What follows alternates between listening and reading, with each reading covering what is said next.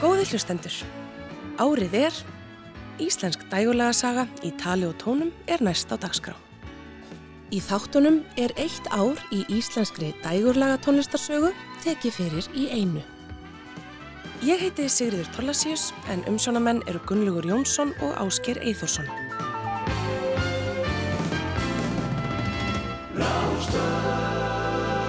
Árið er 1984.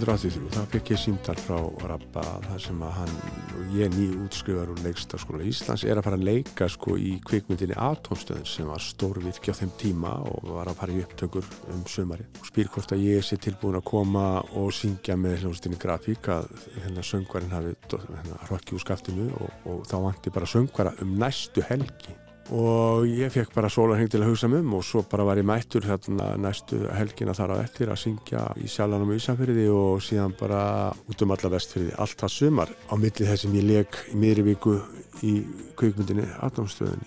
Svona gekk þetta sumar síðan hausti eftir þá byrjum við bara að æfa í Reykjavík og lögðum dröga þessari plötu sem við tókum upp síðan 1984.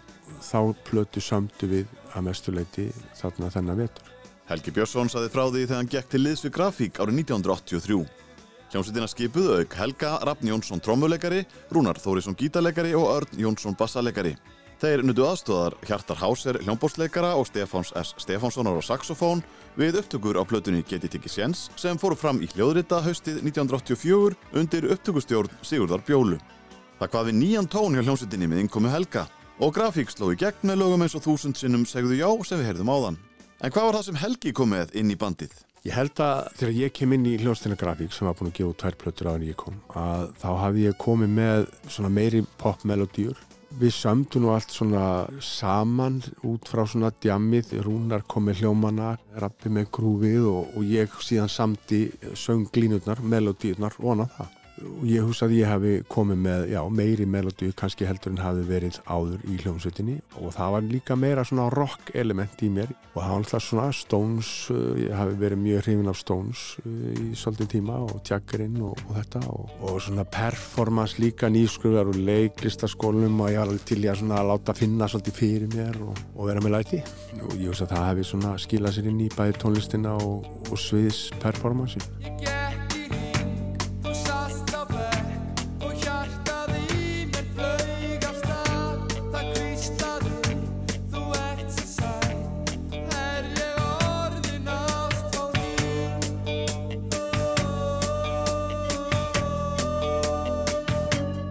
performance náttúrulega mjög gott og frjótt upptökuferli sem við fórum í þarna í hljóðrita með Sigga Bjólu sem var upptökumæður og strákarnir náttúrulega hafðu fengið mikið lof fyrir sínar fyrir plötur varðandi sko hljóðmynd. Og þeir voru helviti góðir í því að fá gott hljóð fram á sín hljóðfari og svo bætti Sigur Bjóla um betur og, og þannig að platan sándaði náttúrulega alveg ótrúlega vel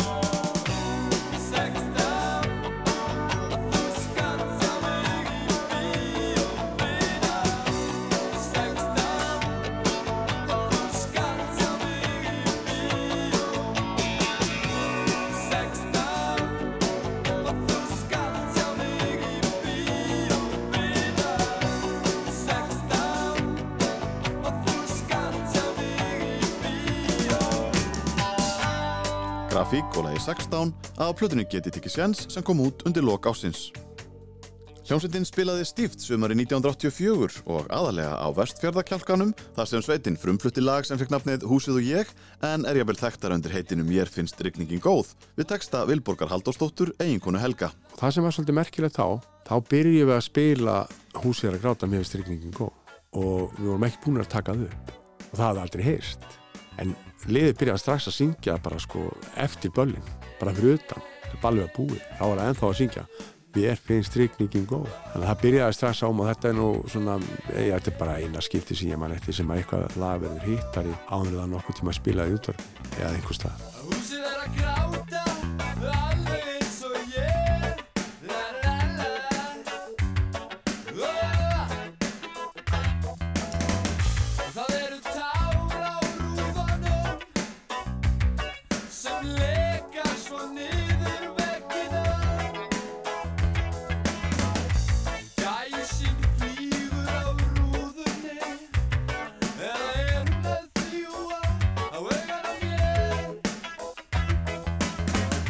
Rúna var ekkert mjög hrifin af þessu lagi og fannst þetta að vera svona og típo eitthvað og ég minnist þess nú ekki að það hafi nú samt verið ykkur þræta um þetta en hann saði þetta starf að hann hefði ekki verið mjög hrifin af þessu. En nógu samt til þess að við spiliðum þetta á böllum og þetta bara svímirkaði ljóðið var náttúrulega og er gott eftir Vilborgu. Og ég mætti með þetta ljóð bara á einhverja æfingu og þá voru einhverjir kljóma gangar svona í gangu og ég mátaði við það og, og það bara gekk upp, ég þurfti nú aðeins að svona sníða þetta til en ja, allavega sagan sýnir að þetta er, það er ennþá verið að spila þetta. Sagði Helgi Björnsson um lagið Húsið og ég með grafík en í fréttatilkynningu sveitarinnar sagði að textin hefði verið samin til sáluhjálpar íslensku þjóðinni á regningasumrinu mikla 1984. Já, það er gaman að rifja upp að þarna um sumarið 1984 þá koma þér frá ríkins útvarpinu til Ísafjörður að gera ykkur, í ykkur í þáttagerð. Og við ákveðum að taka upp eitt lag fyrir þá. Og við gerum útgáfu af Mér finnst rigningin góð og það er bara hreinlega mjög vel hefnuð upptaka sem að hreitt Valdimar skerir nú þarna bara í sjálfanum líklega. Og þá voru ykkur krakkar fyrir utan bara að fylgjast með. Og ég vippaði þeim öllum inn og við tókum þau upp í kórusan það er eiginlega sko, þar verður hugmyndin til að fá þess að krakka í lokin á sjálfri upptökunni, orginal upptökunni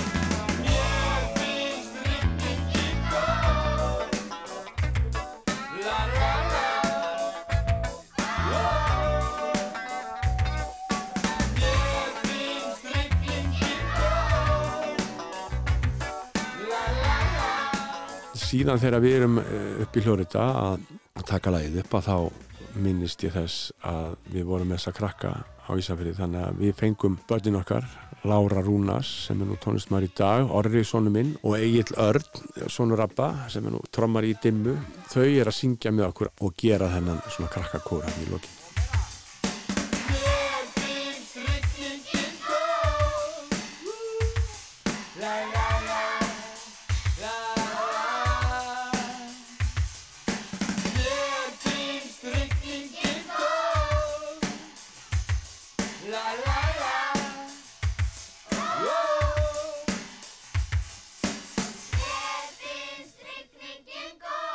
Árið er 1984.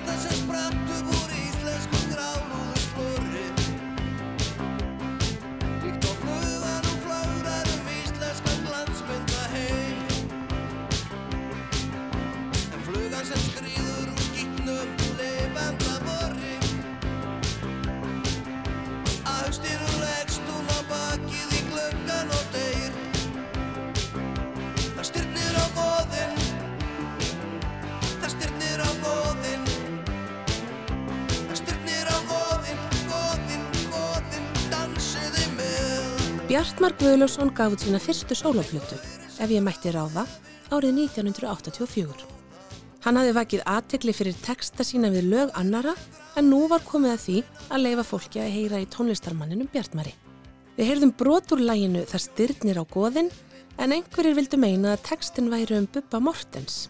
Bjartmar neytaði því hins vegar staðfastlega í viðtölum. Tvö lög af plötunni nutu mikill að vinsalda og komu Bjartmari á kortið í íslenska dægurlega heiminum. Annað þeirra var lægið um hippan. Þau byrjuðu saman í gagfræðaskóla, hann var hippi en hún var smart. Já, að ég skildi sérstu vera flytjandi, það var bara ákvarðuð Rúnars Júliussonar. Ég kom með lögin til hans í mæ 1984, þetta kom með 30 lög og, og við settum bara teipi í gang og það rúlaði og, og við spilum hann inn einhver rúmlega 90 minna program og það voru eitthvað um 30 lög og, og hérna ég fyrir að tala um það við hann að ég þurfa að finna mig söngvara á þetta. Það því að ég leiti alls ekki á mig sem söngvara og, og, en ég hefði sungið einn demóin og það var bara úr að Rúnar Július hefði bara það var langt flottast bara í mínum sem sagt, munni og, ég myndi bara gera það sjálfur og ég svona, það er aðeins að maldi móin sko, því að ég svona freka að vera bara þá túkandi eigin verka þannig ég sló til Þóri Baldurs bakkaðan upp og, og ég fór með þeim í gegnum þessa fyrstu plötu Þóri stjórna upptökum, nýkomin að utan. Og hérna ég býn nú bara eiginlega enn að þeirri því náskeiði á Þóri.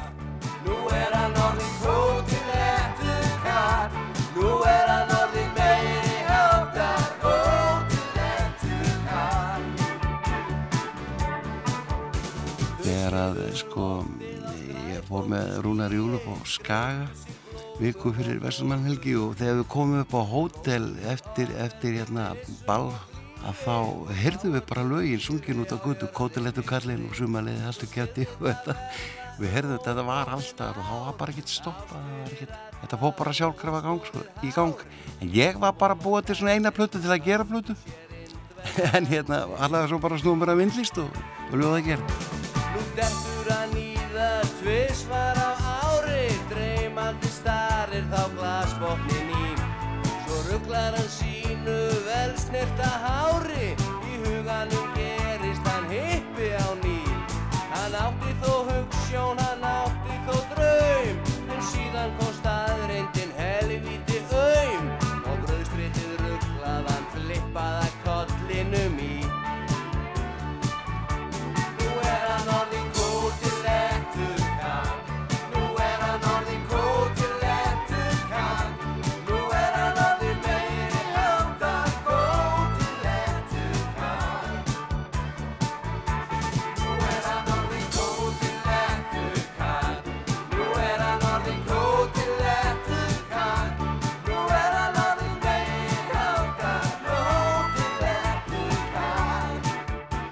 Bjartmar Guðlöksson söng lægið um hippan og þar á undan sagði hann frá gerð fyrstu plötu sinnar.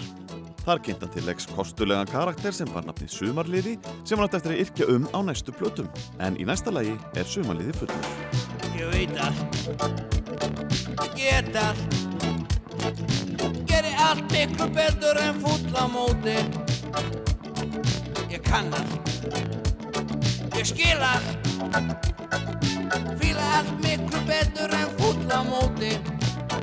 Smíða skútu, skerpi, skauta Bý til þrömu, ost og grauta. Hættu kæfti Já, sumalið er bara hérna svona íslenskur kallmaður sem er með genin hérna andlegu genin ef hægt er að segja svo frá sérlega bara agli skattakarinn sinni. Hann, er, hann bara dettur í það og ælir og bölvar og blótar út um allt og, og hérna á milli er hann bara ferlega flottur og stiltur og, og hérna góðu maður, hann þólir ekki fúla móti fúla móti fer í töðunar á honum.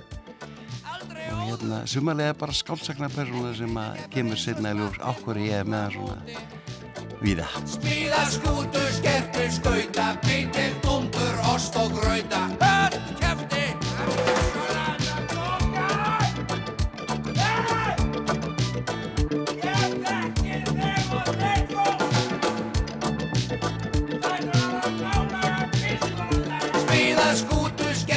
skauta Bý til þrömu, ost og grauta Hættu kæfti Bjartmar Guðlöksson og heit geysivinsala lag Sumarliði er fullur að plötunni Ef ég mætti ráða frá árinu 1984.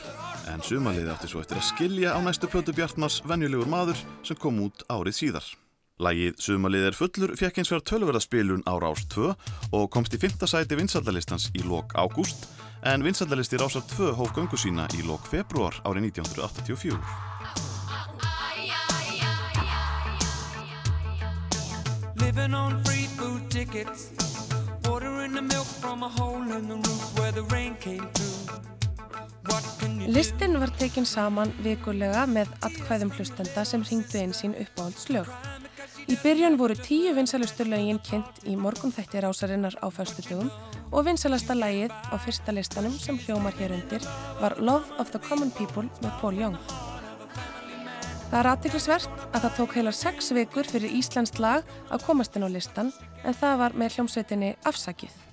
Lægið heitir Dansaðu og komst í tíundasætið á vinsaldalista Rásar 2 þann 23. mars 1984.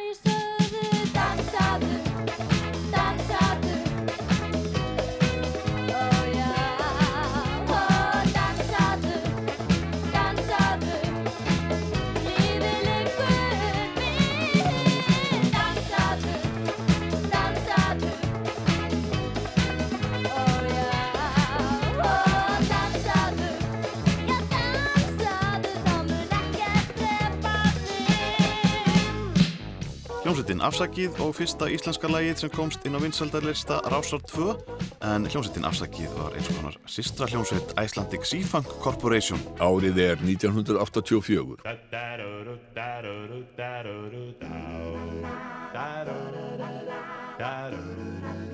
Til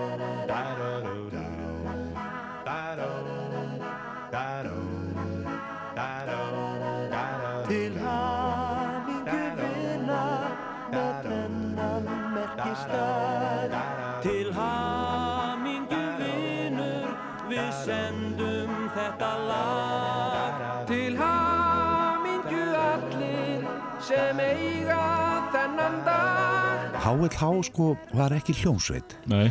Þetta var bara tríó, þetta voru svona skemmtikraftar. Þetta var skemmtadrið, það var grín líka sko. Og Halló Latti gerðu grín og ég fekk að taka smá, taka smá grín og vera the straight man og ná og Mm. þegar sko við fórum ferðinur um landið mörg ár, Brimkló Halló Latti á faralsvæti þá var það þannig sko að það var skemmtun fyrst. Já. og selt inn á skemmtununa svo var rekið út og selt inn aftur á ballið Björgvin Helgi Haldósson sagði frá HLH-flokknum hjá Pálsinu og Littla á Rás 2 árið 2013. Með Björgvin í flokknum voru bræðurnir Halli og Latti og þeir gáðu tvær plötur árið 1984. Um sumarið gáður út plötuna í rockbuxum og stregaskóm og fyrir jólinn gáður út jól í góðu lægi. Björgvin samti eitt vinsalasta lag sumarsins Vert ekki að plata mig og hér rifjar hann upp söguna á bakvið lagið og leifur okkur að heyra upprunulegu útgáfuna. það þurfti að fara að búa til einhver lög og við vorum, að, vorum með coverlög svolítið mikið og svo var ég að semja svolítið og Latti líka ég man alltaf eftir í að vorum ekki með hugmynd að heitin á læginu en ég var svona böglast við e- einhverja svona kabla vess og kórus fá einhvern ræfil hann sko A, B og C dæmi. Og ég man alltaf eftir í að ég hamraði þetta á gítarinn og var svona með Casio trommuheila sem að síðar var æðislega hipp að nota skilur þótti nú ekki mikið hipp núna. Það var svona Fisher Price samt, að því.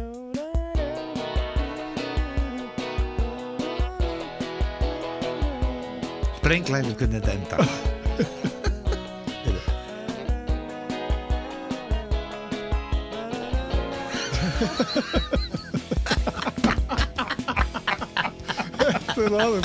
Ég sá hana í horninu á mánabar Hún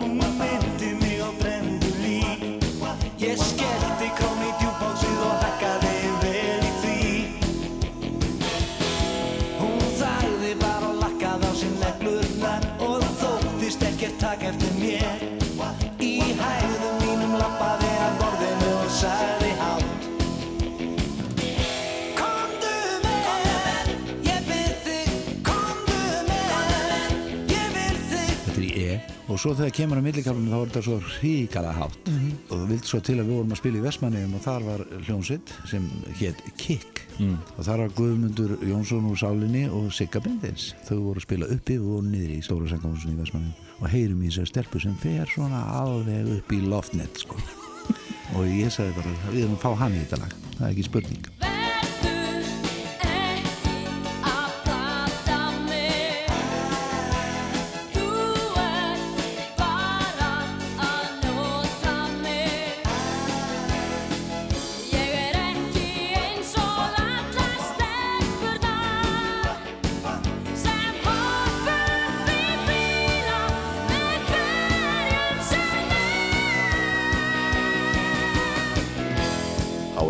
Hláflokkurinn og Sigga Beinteins fluttu vinsalasta lagið á vinsalelsta rásar 2 17. ágúst 1984 fyrsta íslenska lagið sem komst alla leið á topplistans Myndband við lagið var sínt í auglýsingatíma sjónvarsins með hjálp frá vinsælum Svaladrykk og var lengsta auglýsing sem sínt hafi verið. En á þessum tíma var erfitt að fá íslensk tónlistamindbönd sínt í dagskrá sjónvarsins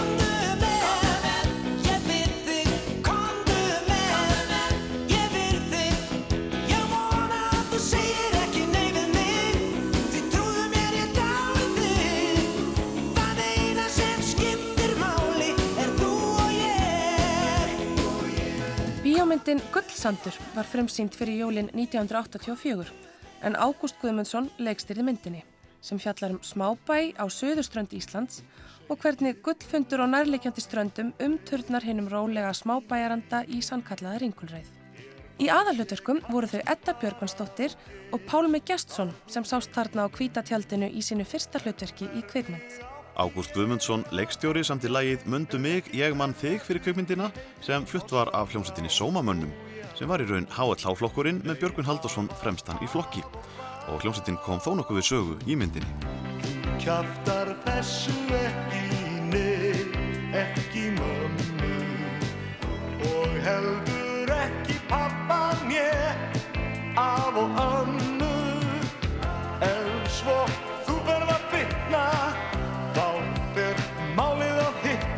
en annars mundu mig ég mann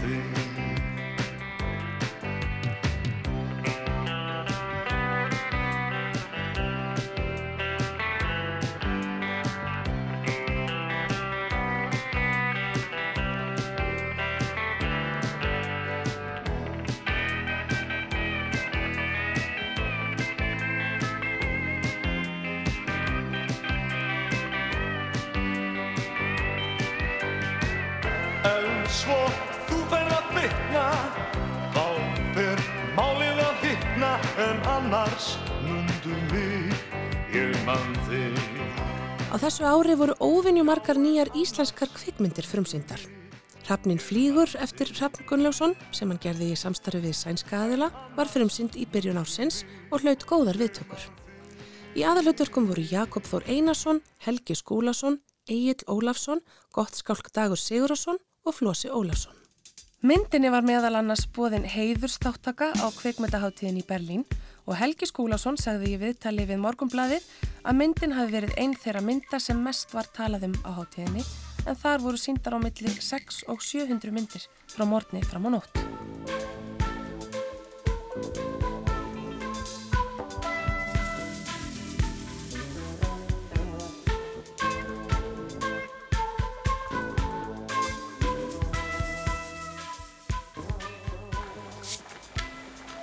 Þungur hnífur. Þessi hnífur á að vera þungur. Þarna heyrðu brot úr kvikmyndinni Hrafnin flýgur en Dalalíf eftir Þráin Bertelsson var einni frumsýnd á árinu 1984.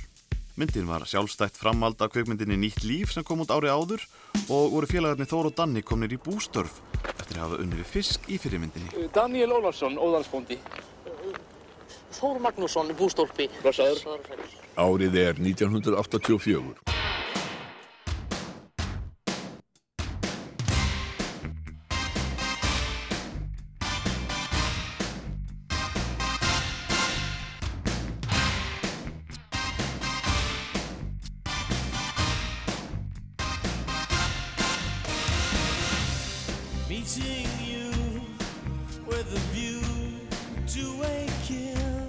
Í júni var hluti nýrar kvikmyndar um James Bond tekin upp á Íslandi.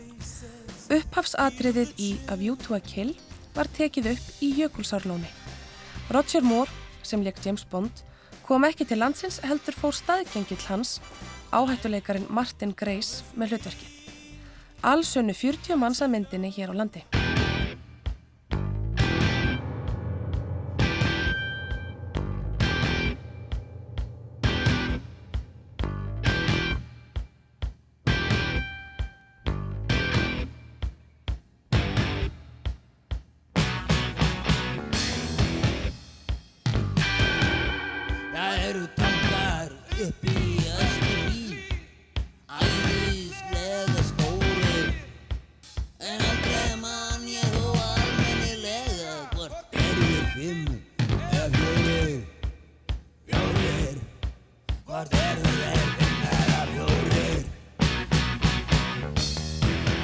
Tolli Mortens fekk það samþykkt að plötuútgáfa væri lokaverkefni hans úr myndlistaskólanum í Reykjavík 1983. Hljómsveitin Íkarus var til á þeirri plötu og sveitin let ekki þarfið sitja, heldur hjælt hópin og sendi frá sér plötuna rás 5-20 ári síðar. Sveitina skipuðu Kormakur Geirharsson, Brægi Ólafsson, Megas og bræðurni Tolli og Bergþór Mortens. Í plötudómi í morgunblæðinu mátti lesa að platan kæmi eins og ferskur andblæðir inn í íslenska plötuútgáfu og DFF dásamaði texta plötunar. Flestir voru sammála um að langbesta lag plötunar var í megasalagið Svo skal böl bæta og þar á textin jafn vel við í dag og hann gerði árið 1984.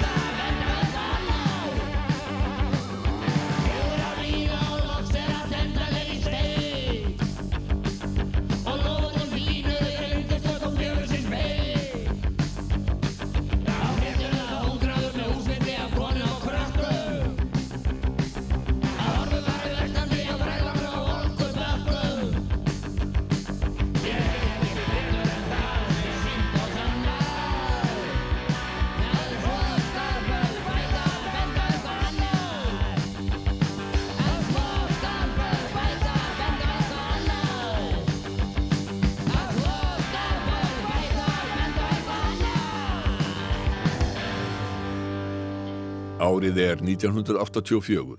Simbi sjómaður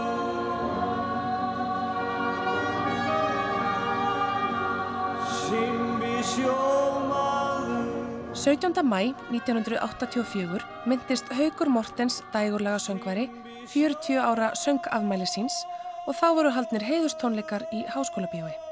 Fjölmarkir tónlistamenn komu fram á tónleikonum og Haugur flutti mörg af sínum vinsælustu lögum. Nú ertu búin að syngja í, í 40 ár ofinbeglega þar að segja og hefur náttúrulega á þessum langaferli kynst öllum tískubilgjum í dægutónlistinni.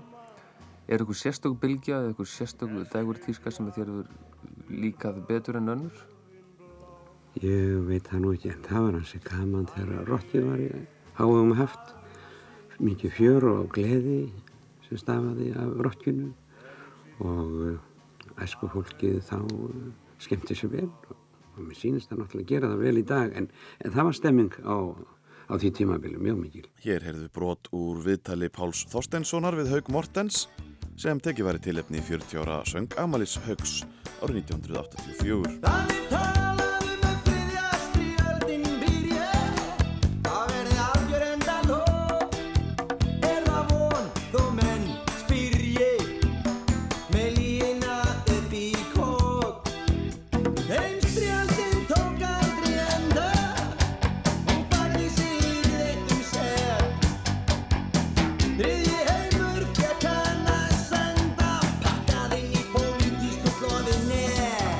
Bubbi Mortens, frændi Haugs, hafði í nóa snúast á þessu ári.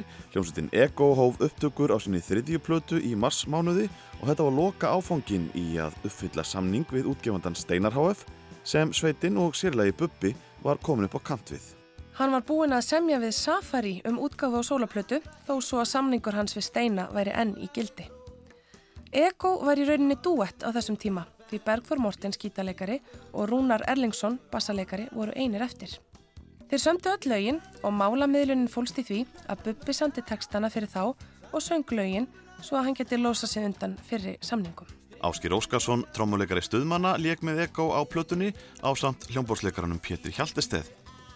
Upptökum var ekki fyrirlokið en plötunni var hraðað inn á markaðinn á sama tíma og sólopláta Bubba kom út. Þessi loka afurð sveitarinnar fekk slaka dóma gaggrinenda sem og plötukaupenda og seldist ekki vel. Heitum kvöldum þegar hafgólan kæli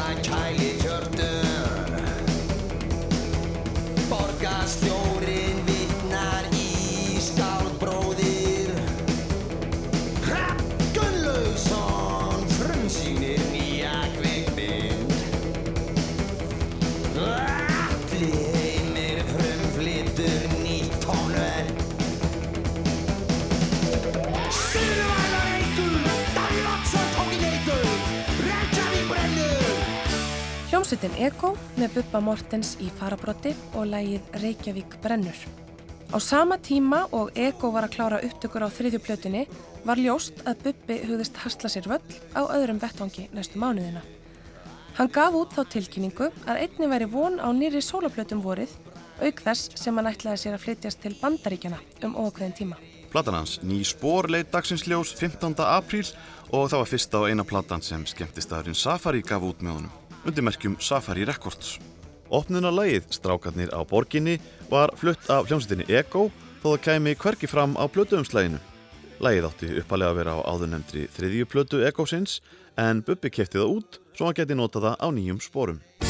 Strákarnir á borginni, nexlengan með förðuð brós þeir kýsast og dagri lappum með sitt bleika gós, sitt frostna brós í mikrinu hvítur farði ég er vel upplýstur, veit allt um hommana hef lesi bækur, séð kvikmyndir Það er í lagi með strákana, þeir bera syndirnar í þjóðfélagi sem hatar þá. Svonur minn er engin hommi, hann er fullkomin eins og ég. Þó að máli stigum helgar, þú veist hvernig tískan er.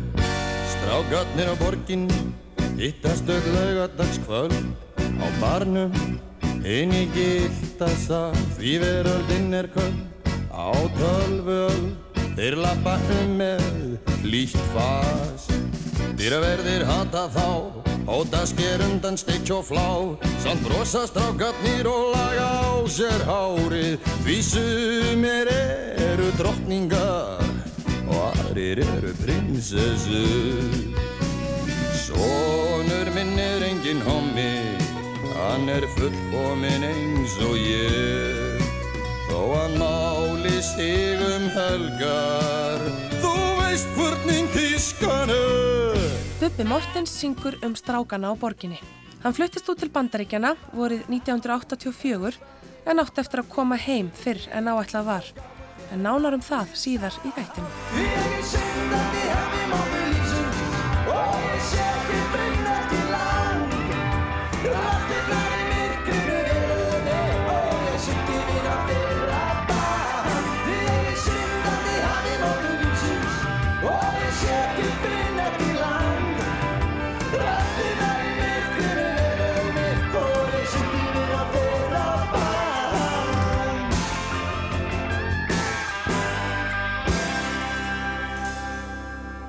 Árið er 1984.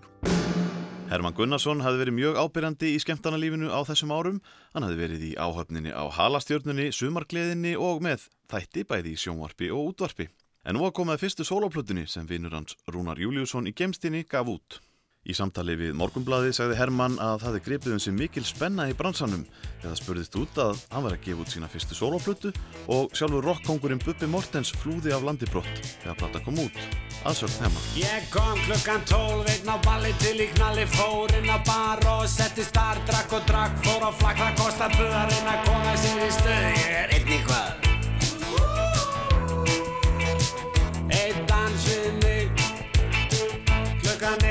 Fylgdi skól, Siggi, Kalli, Gummi, Njalli, Valli, Jósa, Fata, Matakar og fleiri komu en ég satt. Ég reyndi að drekka í mig kjark, ég píða hark. Það var minn tilgangur og marg Eitt dans við mig Eitt dans við mig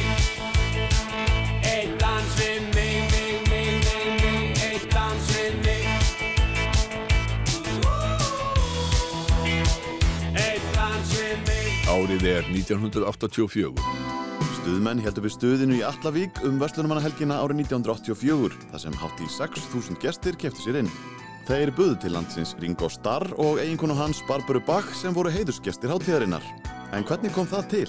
Egil Ólafsson og Valgir Guðjónsson svara því. Halló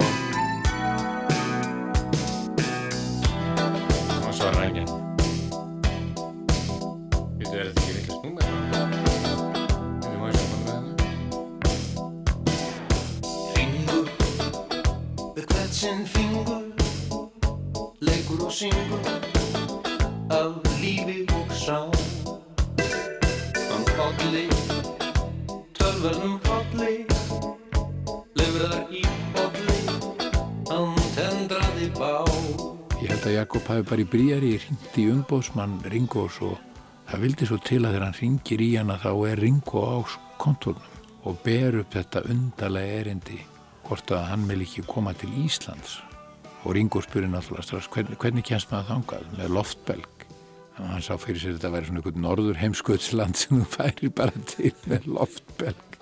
Og hann tók eitthvað svona vel í þetta sennilega sjálfsagt í bríari sko, og hefur ábyggilega haldið að þetta væri bara eitthvað brandari nema hvað svo var, var, mönnum alvara með þessu auðvitað, og hann jánkaði því og kom og það var nú svona hann kom nú með fórórunni sko að það er að vera alveg skýrt að hann ætlaði ekki að spila neitt og hann ætlaði eiginlega ekki að koma fram. En hann geti komið svona og bara sagt hæ við fólkið og já, veifað svona eins og svona uh, member of the monarchy sko Bói Ágússon, fréttamaður sjónvars, tók viðtal við Ringo Starr og Barbaru Bach við komuna til Egilstaða. Do you have any plans to do for playing here? Or? No. No, we've just come to visit and um, I believe give out an award to the top band at the Battle of the Bands at the festival. That's why we came. You know, we were invited to do that and while we were here, because we're only here till tomorrow. But you don't think that you might get the Idsen one to play? We'll have to wait and see, won't we?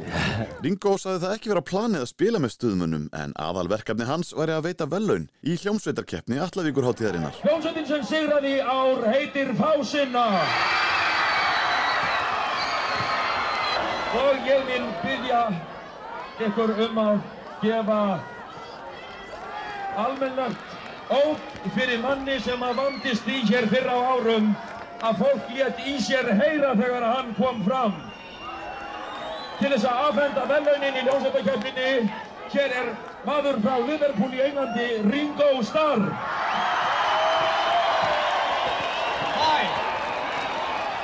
Hi. Hi. Hi. Good afternoon. Thank you. Well, I'd just like to say, and to do it all, I'd like to say it's a pleasure being here in Iceland. And I came all this way to give this present to Bausner. And we have this wonderful gift. Hljómsveitin Fásinna frá Egilstöðun sigraði hljómsveitakeppnina, Kóma frá Vopnafyrði var í öðru sæti og Sú Ellen frá Neskjöpstað í því þriðja. Við heyrum hér brot úr lægi stuðmanna sem þau sömdu um Íslands heimsókn Ringo Starr, Ringur og bílagæslumenninir. En þessir umtöluðu bílagæslumenn voru Gunnar Þórðarsson, Jónas R. Jónsson og Egil Eðvarsson sem sáum að fylgja bílinum eftir Vestlunumanahelgina 1984.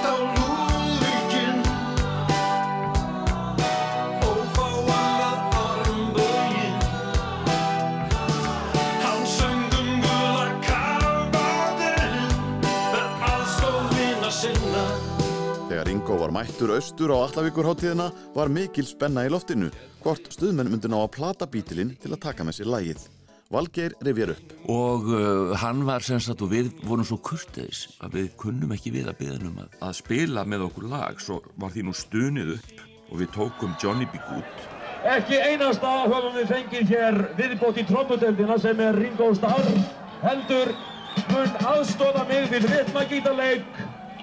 Maður sem var á snipuðum stærðargráðum og Ringo þá væri hér heim á Íslandi. Hann heitir Gunnar Þórðarsson og við gefum hann um gott klap.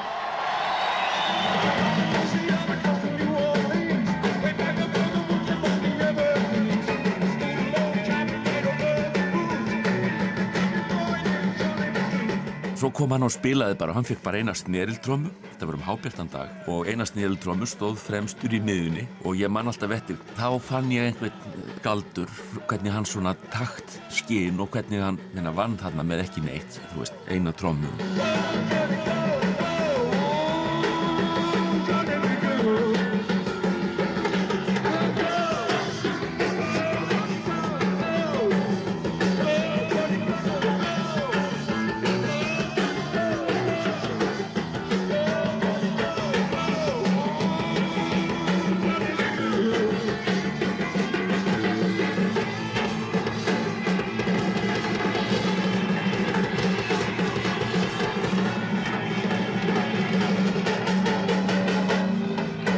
Svo sáðum við bara, svo þökkuðum við fyrir bara og fórum og hann kom út af sviðinu og svo á ekki að spila meira. Hann var algjörlega miður sín. Hún var svo gaman. Þannig að hann var komin í stuð. Hann var nefnilega komin í stuð og við hefðum nú getað tekið þarna annað lag sem að ekki með bílunum heldur stónslag sem að við höfðum stundum á dagskráni sem var last time í mjög hérna hrári og flottri útgáfu. En þetta er bara eitt af þessum stóru menningarslýsum Íslands að við skildum ekki taka last time líka með Ringo. Kjalli, hann hitti í helli. Einum í kvelli. Hún játaðist smjör. Svo leið tíminn Þá hringdi síminn. Kallmanns rödd kíminn Sagði deili á sér. Þau sjónin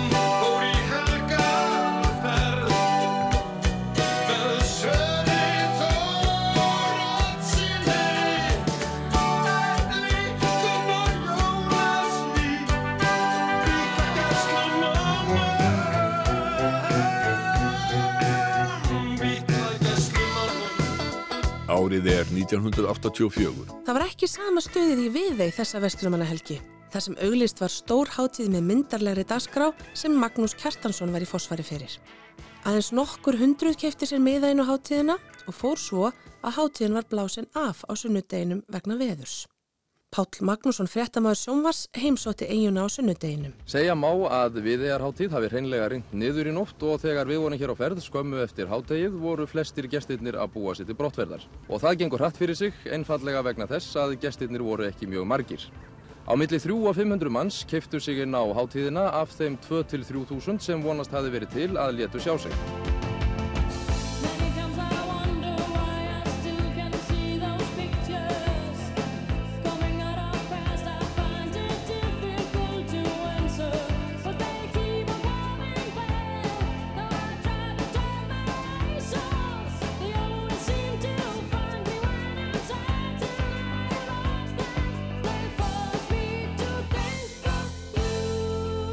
Ein af þeim hljómsveitum sem steig á stokk í viðei var Kikk með Sigriði Beintinsdóttur og Guðmund Jónsson, væntanlegan lagahöfund sálarinnar, í farabróti.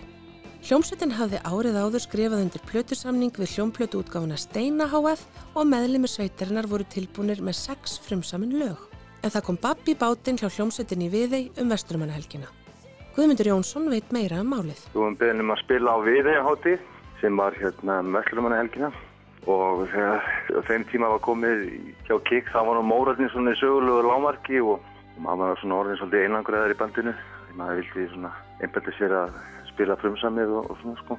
Þannig að þegar við fórum að spila hérna og sáum fram á það að, að það erði nú lítil mæting hérna hún er blíkur úr lofti með þessa háti hjá hann Magga því miði en þú kom á daginn að það mætti ekki kjaftur hérna og og ég mætti því að ég og Jón Björgulsson trommuleikari erum bara kæruleysis og döttum í það bara þannig að svo þegar við vorum að spila hann um kvöldi þá var ég nú bara tekinn á sambandi og, og setti með næsta bát í land eða bara reikinn það sprakk allt í loftur þannig að e, þannig fór nú sjóktar þá. Skömmið setna fór ég nú bara norður í land og sjóin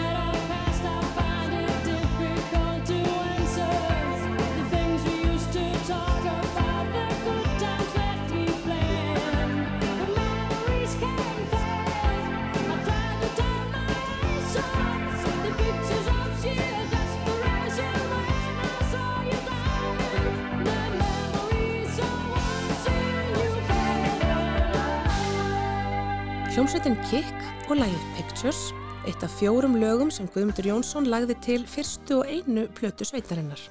Platan kom út fyrir jólin 1984 og það lag sem náði mestri spilun var Try for your best friend eftir Nikolás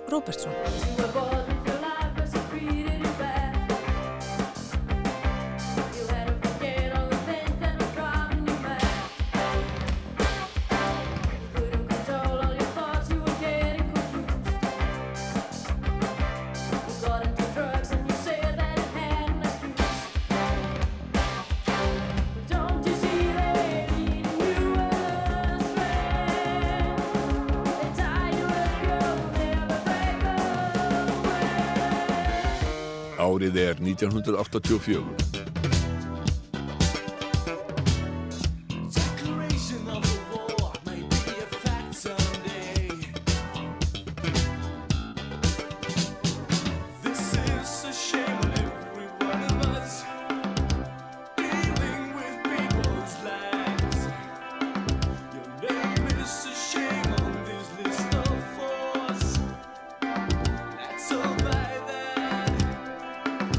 Bassarleikari þussanna og stuðmanna Tómas Tómasson hafði í nóa snúðast í hljóðverinu við að stjórna upptökum fyrir ímsa tónlistamenn á þessum tíma. Eina þeim hljómsveitum sem Tómas vann með var Pax Vopis sem gaf út sína fyrstu plötu fyrir jólin. Hljómsveitin var skipuð valinkunum tónlistamönnum sem voru að stíga sinn fyrstu skref í tónlistinni á þessum tíma. Hljómsveitin var stopnuð 23. oktober 1982 af Þorvaldi Bjarnar Þorvaldsinni gítarleikara, Skúla Sverrisinni bassarleikara og Áskeri Sæmundsinni hljómbórsleikara og söngvara. Þeir höfðu verið í hljómsveitinni Exodus með Björk Guðmundsdóttur áður en hún stopnaði Tappa Tíkaras.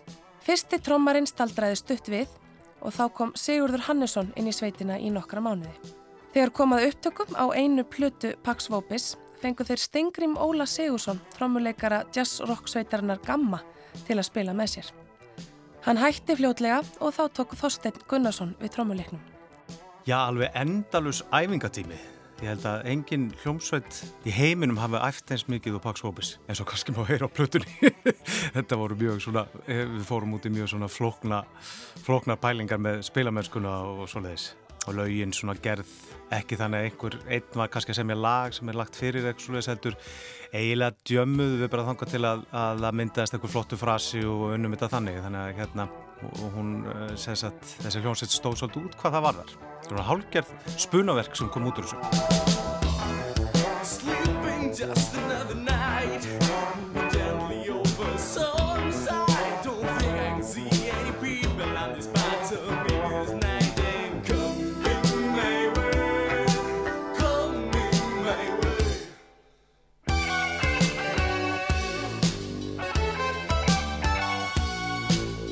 Pax Vopis og lagið Coming My Way og Þorvaldur Bjarni Þorvaldsson sagði frá endalausum æfingum og upptökum á fyrstu og einu plötu sveitarinnar. Platan fekk frábæra dóma hjá tónlistaskrýpendum. Platan er sjálfgeft dæmi um fáun, markvissar lagasmíðar, alúð, vandvirkni og eitthvað sem kalla mætti listrænt eðli í íslenskri rocktónlist. Þetta eru engin dægurlög, heldur vel gert rock á línu með Simple Minds, Japan og öðrum vandaðri hljómsveitum nýromantískrar tónlistar. Skrifaði Átni Daniel í nútíman og Siggi Sverris var einni í skíunum með plötuna í dómi sínum fyrir morgunblæði. Sannast sagna er ég evins um að betri íslensk pop-rockplata hefur verið gefin út frá því á gullaldaskeiði þeysara án þess að verið sé líka þessum tveimur sveitum saman á einn eða annan hátt.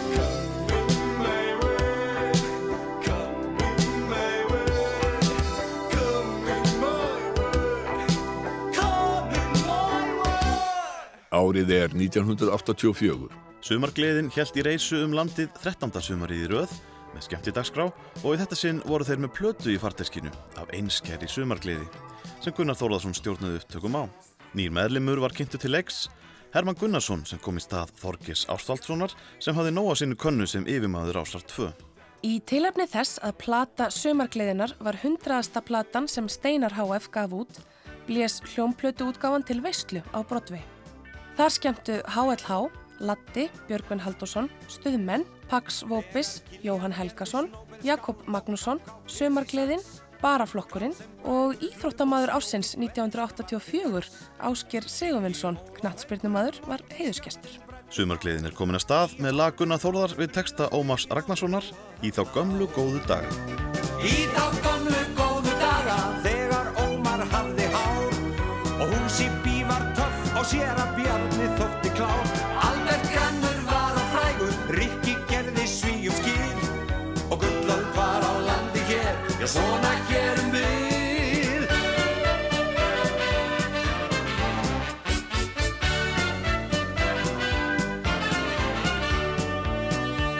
En tíu árum síðar var hér síldar ævintýr Á suðurnesja veginn lagð var steip og þótti dýr. Þá var býtla óður líðurinn með skósít hippa há. En hægri umferð skipt var í og gletta var kvöld klá. Í þá gömlu góðu daga þegar Ómar hafði hár. Og hlátur vakti svalar gess og þótti ansi smá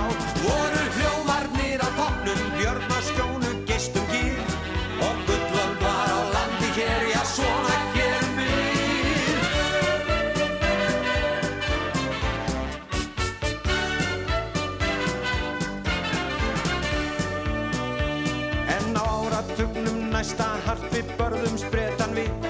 Og Björki gerð allt vittlaust við að poppu ungviði Sumar gleðin blakta fór á sveita böllunum Og svo tók Gvendur kernisteð í lurg á tjöllunum.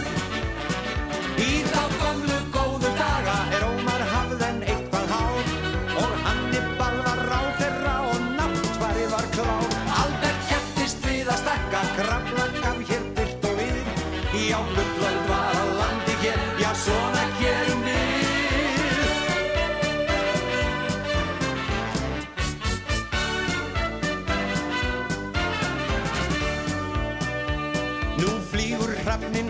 hátt og atomstöð fær hó Til Ameríku bubbi fer og megas fattar fó Briljantín í hárið á sér bera pökkara. Já, bísna margt er orðið svipað og það áður var. Í það gamlu góðu daga þegar Ómar hafði hár Menn heilar átu kartöflur í mambo var ég klár. Gvendur jakir verkfallsvöslu gerði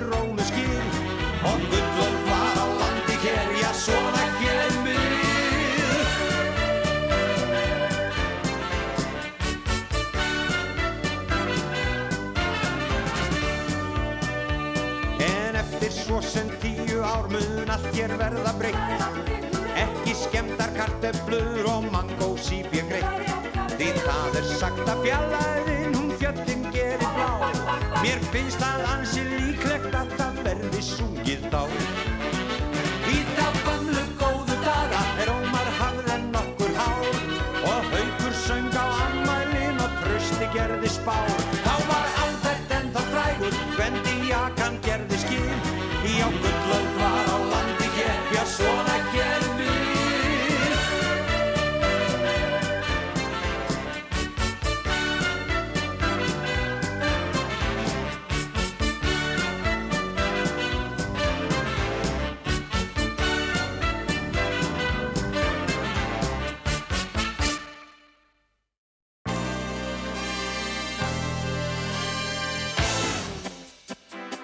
Árið er 1984.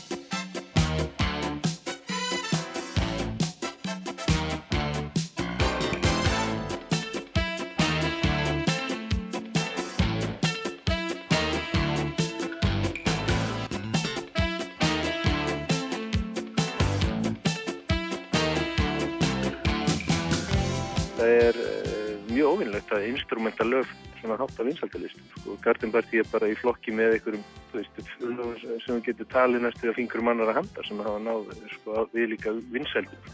Þannig að, veist, að, að vera að reikna með því að, að róa endast og sömum við, það er náttúrulega ekkit sko, gefið í þessum.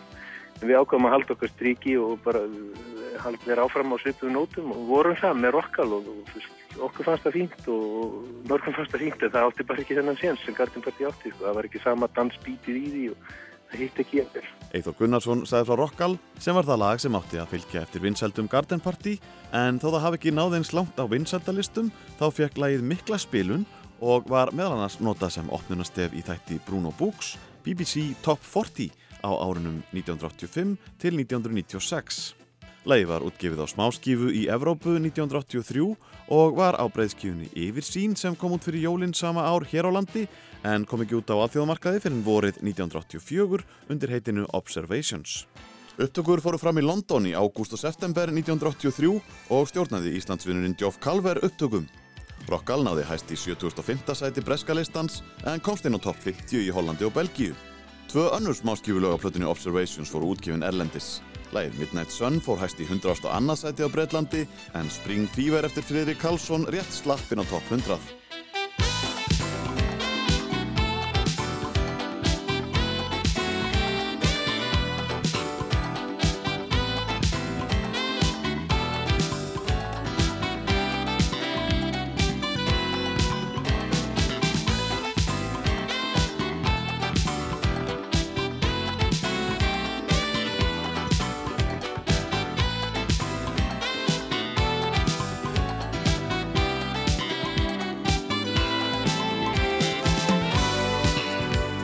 Mezzoforti liðar fluttu með fjölskyldu sína til Bretlands 1983 en hvernig gekk það? Við vorum alltaf endalust að spila. Eins og þessi fyrsti túrin okkar í Englandi 1983 var 47 koncertar á 49 dögum.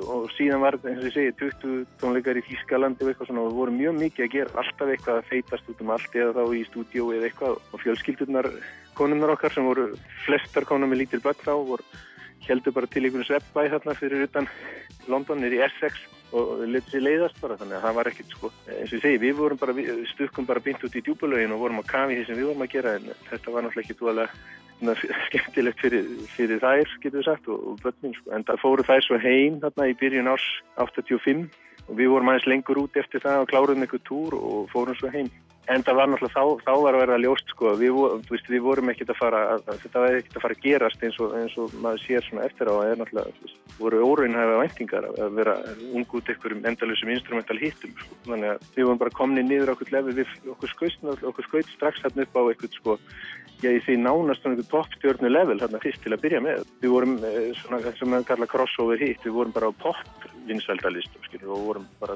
komið fram með okkur eins og pop bara, sko. Og síðan þegar það er ljóst að við erum ekkert að spila lengur í þeirri deild, þá, þá náttúrulega bara breytast fórsendum. Mezzoforte dvaldi allt árið 1984 í Bretlandi þaðan sem hljómsdyn gerði út. Tvær plötur kom út þetta ár fyrir ellenda markað, Observations og Rising. Átni Jónsson sagði í dómi um Observations í morgunblæðinu að hér var á ferðinni þjálfaðir og þroskaðir listamenn sem vissu nákvæmlega hvað þeir vildu og framkvæmdu það af vandvirkni, alúð og áræðni. Og Sigurður Sverrisson sagði að Rising væri besta plata Mezzoforte til þessa og að lög Friðriks Karlssonar, Solid og Blizzard væri bestu lög plötunar. Hér heyrðum við brot af því síðan enda.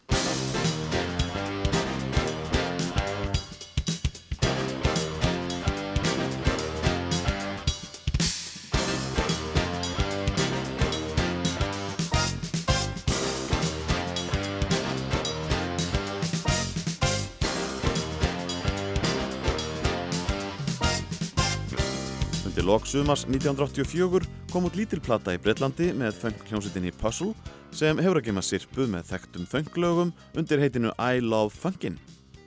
Liðsmenn Puzzle voru mezzoforte piltanir, söngurunnar Ellen Kristjánsdóttir, kona Eithors, Erna Þórarinsdóttir, samfélskona Gulla Trommara og Sadie Owens ásamt söngurunum Chris Cameron sem útsetti strengi fyrir mezzoforte á þessum tíma og var einnig kljómbósleikari í Hot Chocolate og vann svo síðar mikið með George Michael. Já, nei, þetta var bara eitthvað sem við varum að gera um að drepa tíma, sko, það var mjög aktífir á þessum tíma náttúrulega og það var eitthvað smá hérna, stundmilli stríðan okkur og, og á þessum tíma voru sirpur mjög mikið í, í tísku, það var alltaf verið að gera sirpur, sko, það þessu, ég meina, Hookton, Classics og ég veit ekki hvað, hvað voru sirpur af öllum fjandan, að tröllriðu öllu. Og okkur dætti í hug að gera sirpur svona á okkar uppáhalds, fusion, instrumental, funk og fusion lögum og við notuðum bara til þess einhvern döðan tíma, skrupum í stúdíu í einn dag eða tvo hristum þetta fram úr erminni með aðstof Chris Cameron vinnar okkar sem útsetjara. Þetta var bara svona sirpa í þessum sem að, að týrkaðist þarna. Og þetta kom út sem sagt, eins og þú segir, þetta er nafninu Puzzle, ekki undir nafninu Messabóstil. Það var bara svona auka verkefni.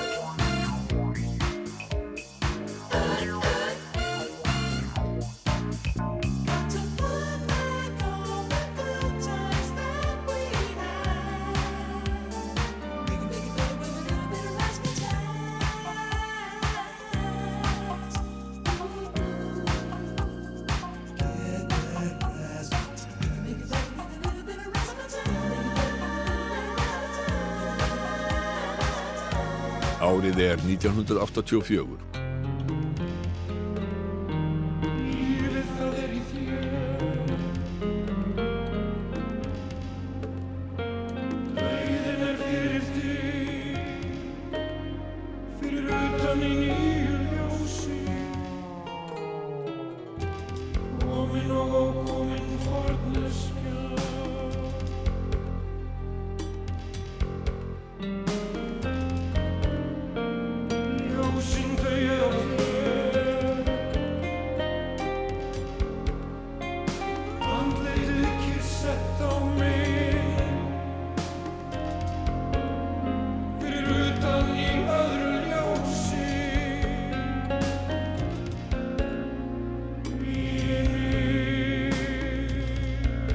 Þursaflokkurinn byrjaði að leggja drög að sinni fymtu hljómplötu í hljóðveri sínu Grettiskati haustið 1982 þegar tökum lauk á stöðmannamyndinni með allt á hreinu.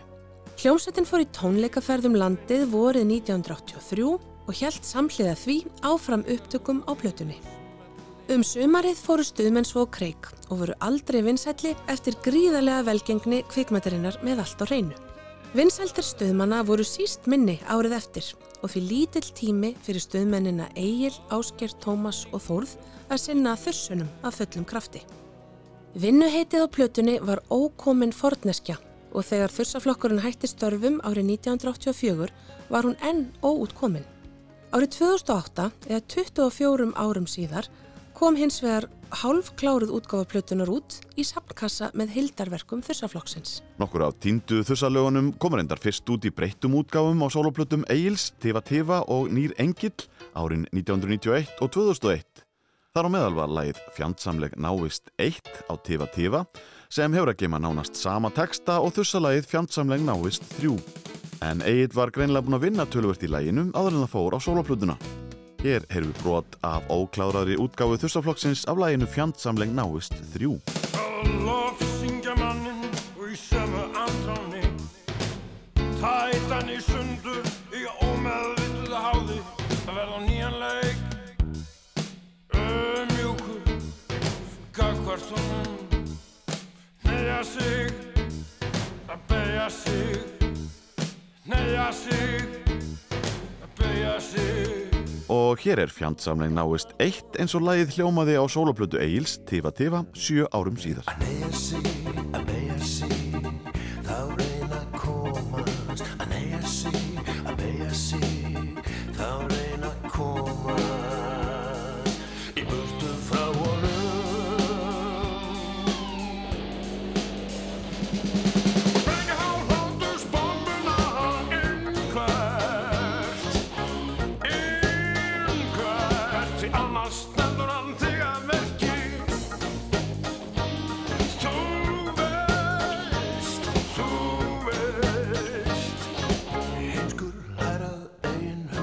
Þursaflokkurinn var farin að spila nýju lögin á tónleikum í byrjun ás 1984.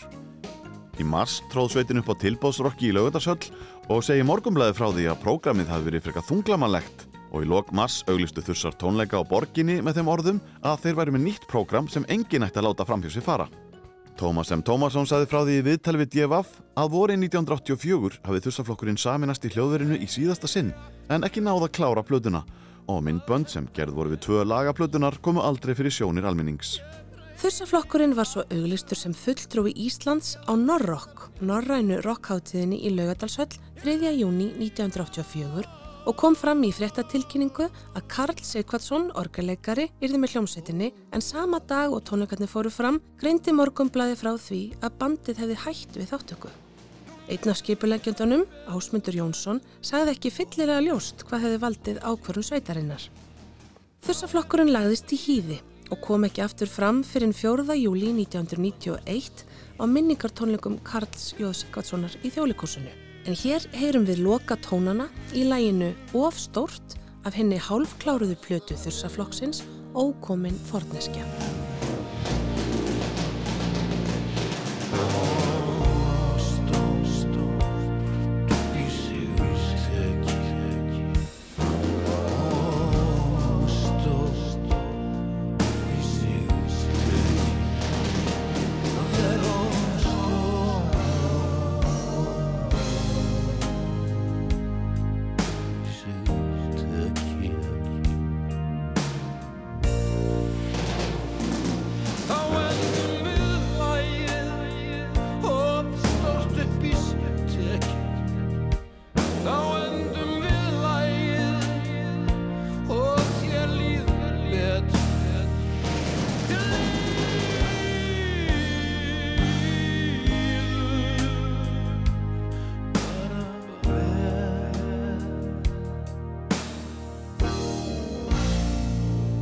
Árið er 1984.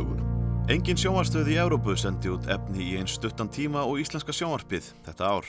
Þetta kom fram í nýri útgáfu af Radio TV Handbook í oktobermánuði en þar var fjallað um útvars- og sjónvarsendingar í öllum löndum Evrópu og víðar. Útsending á Íslandi var aðeins 30 tímar á viku sem var 11 tímum minna en svo þjóð sem vemdi næst neðsta sætið og var Monaco. Þess má geta að á árinu 1984 voru enn sjónvarslaus 50 og ekkert sjónvarp í júlimániði.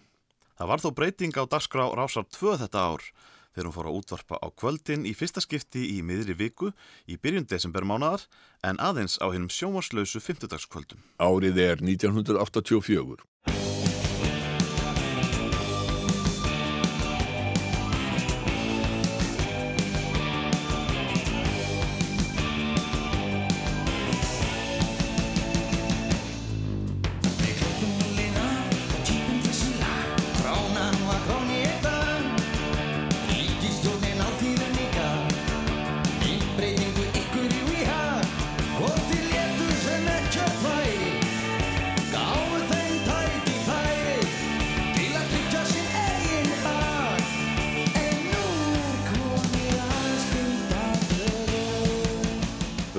Mortens hafði farið til bandaríkjana um vorið en hlutirnir eksluðust ekki alveg á þann veg sem hann ætlaði og hann kom heim fyrr en hann áætlaði. En hvað dróð hann uppalega til bandaríkjana? Það er bara mikið kók. Bandaríkjum voru full af kókain á þessum tíma. Ef þú fórst í partí þá voru svona stórar skálar á borðinu fullar af kókin og menn lögur svo bara pening á borðið og menn fengur sér í nefið. Og þar, þú veist, ég hitti alls konar fólk á þessum tíma þa- þarna upp í, í hæðunum í, í Los Angeles. Málið var það að, að einhver hluta vegna var ég var, var búið að láta mig, ekki láta mig, ég var búin að skrifa undir samning. Og hérna að, að, og átti að fara að leika Þór, teknimynda fígúran sem að svo að setja á kvítatjaldið og ég átti að fá hérna stera meðferð og þjálfara, lifta og einhvern veginn var þetta ekki alveg það sem að ég sá fyrir, það var engin tónlist þarna en svona var þetta og þá voru fundir og þá var byrjað að skrifa handrit og, og við sinn sko. Það bara áði að minn og einhverjum tímapunkti ég hringdi bróðum minn og hann sagði kontið bara, hann heyriði líka sko ég var ekki vel stemtu kontið er út úr þessu. Þannig að ég kem heim til Íslands eftir einhverja mánuði sko og vera á mig komin en þegar ég fór út Fljótlega eftir heimkomuna kynnti Bubbi til leiks nýja rockljónsveit. ég kem heim og kom með alveg hellinga kóki og þessum tíma var ekkert verið að endilega að taka menn í tollinum eins og ég gertir í dag og svona sko. Þannig ég kom með mikið af, af, af ef- efni með mér og keirði bara á því og stopnaði Dags Kapital sem að ég held að sé eina mínum albestu hljónsveitum og eina mínum albestu rockplötum. Ég er rosa ánægða með. Það voru tvær plötu, Nýspor og Das Kapital. Þetta eru plötu sem eru keirðar alveg á gríðalegri blöndu af, af mjög neikvæðri orku og morgni Við höfum elskast alla nóttina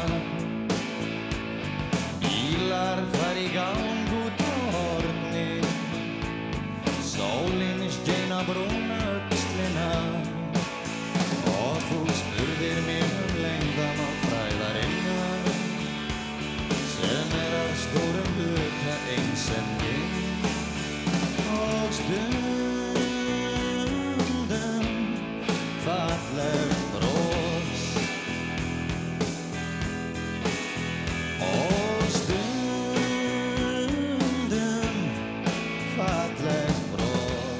Lili Marlene er, er mögnu platta. Hún fekk ekkert og hún fekk litla sem enga spilun og menn voru mjög ósáttur við hana. Ég man að Blinsker áttu erfitt uppdráttar.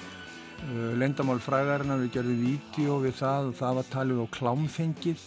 Það var svo bara einn daginn sko, þá allt innu bara urðu þarna lög og eins og Blinsker bara lifðu sínu lífi og urðu svona rosalega vinsal mörgum, mörgum árum setna. Og ég feg bara í meðferð bara eftir Das Kapital tímabilið áramótin 84-5 þá var mjög stutt í það að það hefði ekki orðið stórslið sko.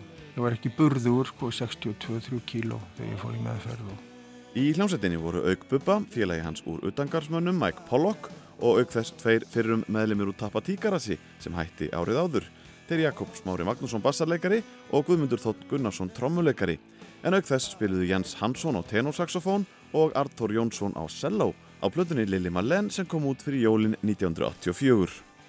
Jakob Smári Magnússon reyðjaði upp innkomu sína í Das Kapital sömarinn 1984 í þætti Karls Hallgrímssonar Ber er hver að baki á Rástfö árið 2020. Ég sá Bubba og Utagarsmenn fyrst í Kópásbjó einhvern tíman hann 1980 og ég bara gjössanlega fjall fyrir þeim og fór alla tónleika með þeim og var, var mikill aðdáðandi og síðan hérna einhverjum ánum setna þá býður að mér í þetta band. Og það var rosa erfið, Bubbi var náttúrulega kannski ekkert á góðum stað á þessum tíma og, og var erfiður og skapmikill og, og þetta var svona stormasand samband og, og, og þetta band, hún var bara svona eins og lítill strákur sko með honum, stíða tvítur og það var held ég 8 árum eldri. Og það var rosa gaman og mikill heiður og mér, þetta var rosa skemmtilegt að mörgu leiti en, en að miklu leiti mjög erfitt og svona þrúandi tímabil. Ég man að ég var í svona ágættis vinnu þarna á þessum tíma og hætti sko þegar Das Kapital byrjaði. Af því að ég held nú að fyrst ég var að, að spila með Bubba þá, þá þurfti maður ekkert að ágjöra við einhverju vinnu. Koma peningar. Nú koma peningar. Ja. Það var nú aldrei sækja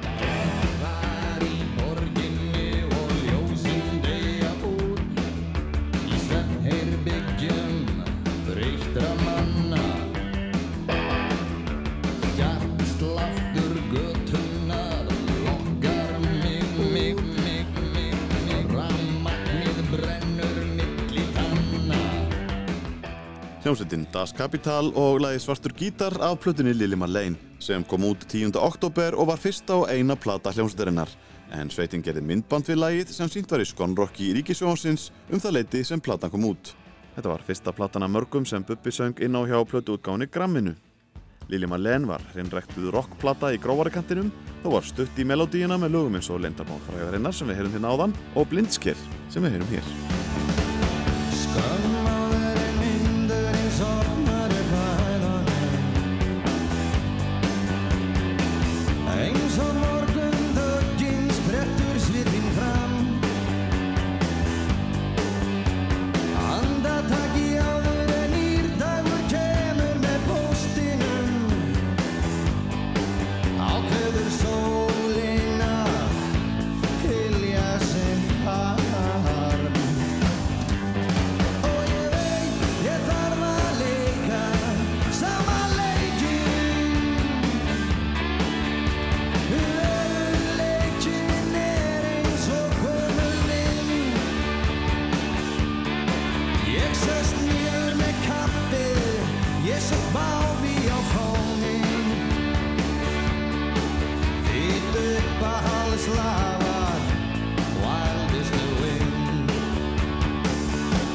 Blinsker er sami heima hjá Franklin Steiner heitnum, dópdílar og nú er Franklin Steiner látin, blessu sem minni gans.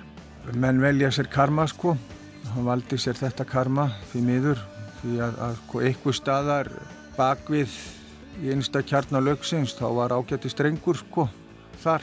Hann var ekki það skrýmsli sem að fjölmiðlar kannski máluða af honum en þetta er vond karma að vera dópdíler, það er ekki gott karma en ég var fíkill og þetta var himnasending að vera með staðista dópdíler landsins í Rasvassonum. það var bara þannig. Blinsker er um, um sambandslitt, mín og Ingu Solvögu, áhrifavaldar, Klass, Nick Cave, Bob Dylan, Bruce Springsteen. Þú heyri það þarna, þú með heyri kannski áhrif af Bruce Springsteen, sko, þarna Jens Hansson að spila í fyrsta skipti á plötu, saxofón, síðan set ég cello inn í lægið, í köplum alltaf í læginu. Það var svona hugmynd sem ég tók frá Nick Cave. Ég vissi sko að þeir hefðu verið að gæla við þá deildina sko og Velvet, Underground, Velvet Underground. Það voru svona hluti sem að ég svona, en, en va, voru ekki mikið í allavegna inni þarna sko.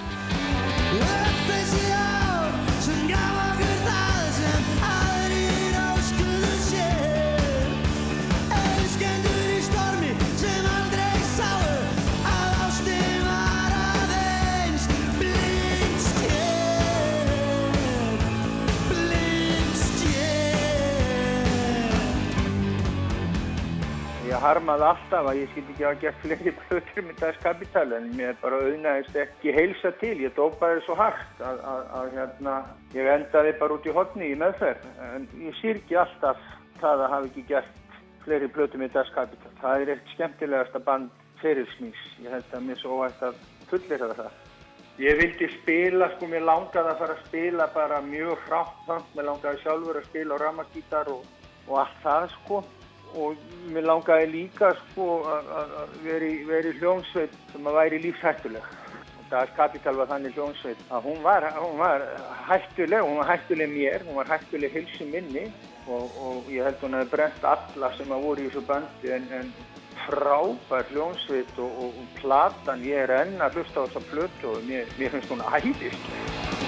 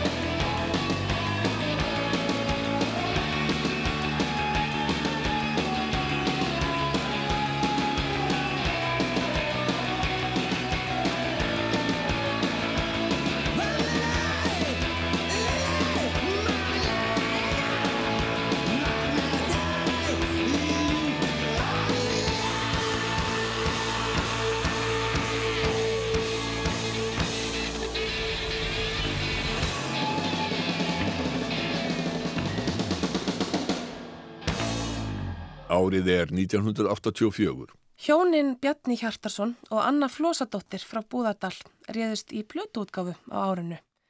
Vinur þeirra, söngvarinn Pálmi Gunnarsson, var aðal kvatamaður plötuútgáfunar. Þau sögðu við djefaf að þau hefðu hætt við byggingu bílskurs og ráðist í gerð plötunar og hér heyrum við Pálma syngja það lag sem var vinsælast af plötunni. Vinur minn misti vitið.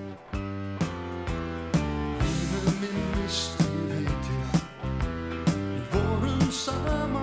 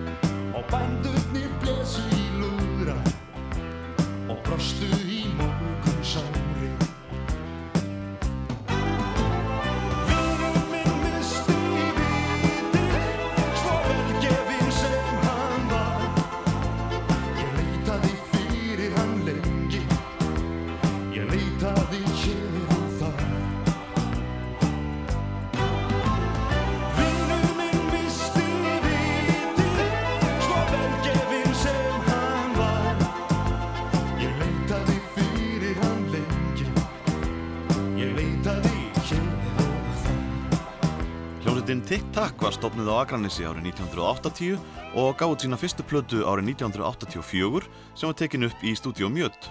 Platan var fjáralaga og bar nafnið Poseidon Sefur og upplæði var 300 eintök en hvert á eitt umslag var handmálað með vasslitum af hljómsveitar meðlumum sjálfum. Þar að leiðandi voru engin tvö umslög eins. Sveitin skartaði meðal annars söngvaranum Bjarnar Jónssoni sem síðar haslaði sér völl sem leikritaskáld og bassaleikaranum Jóni Bjarka Bentsinni, hagfræðingi hjá Íslandsbanka. Tic-Tac naut nokkurar hilli á Akranesi og nágrinni og spilaði reglulega á tónleikum í höfuborginni. En sveitin náði þeim áfanga seint á árinu 1984 að komast í nýjunda sæti vinsaldarlista Rásar 2 með lægið A Song for the Sun.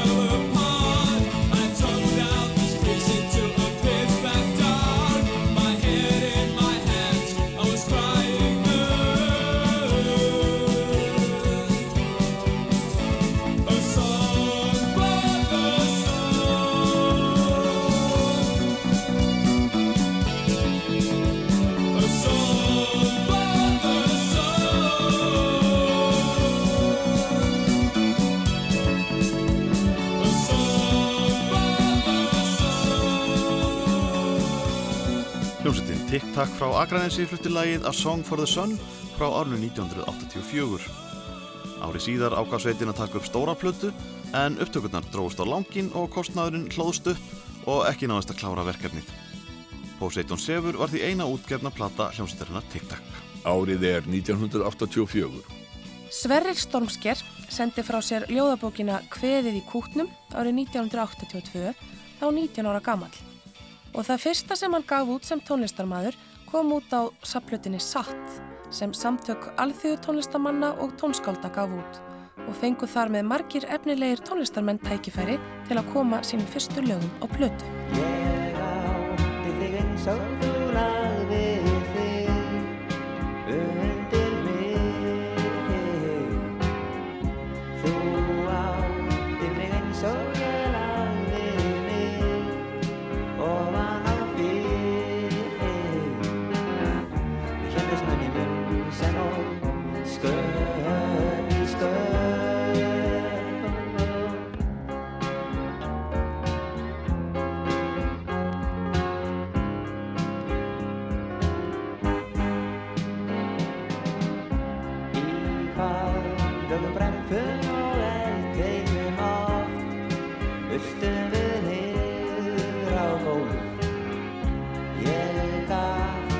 Þér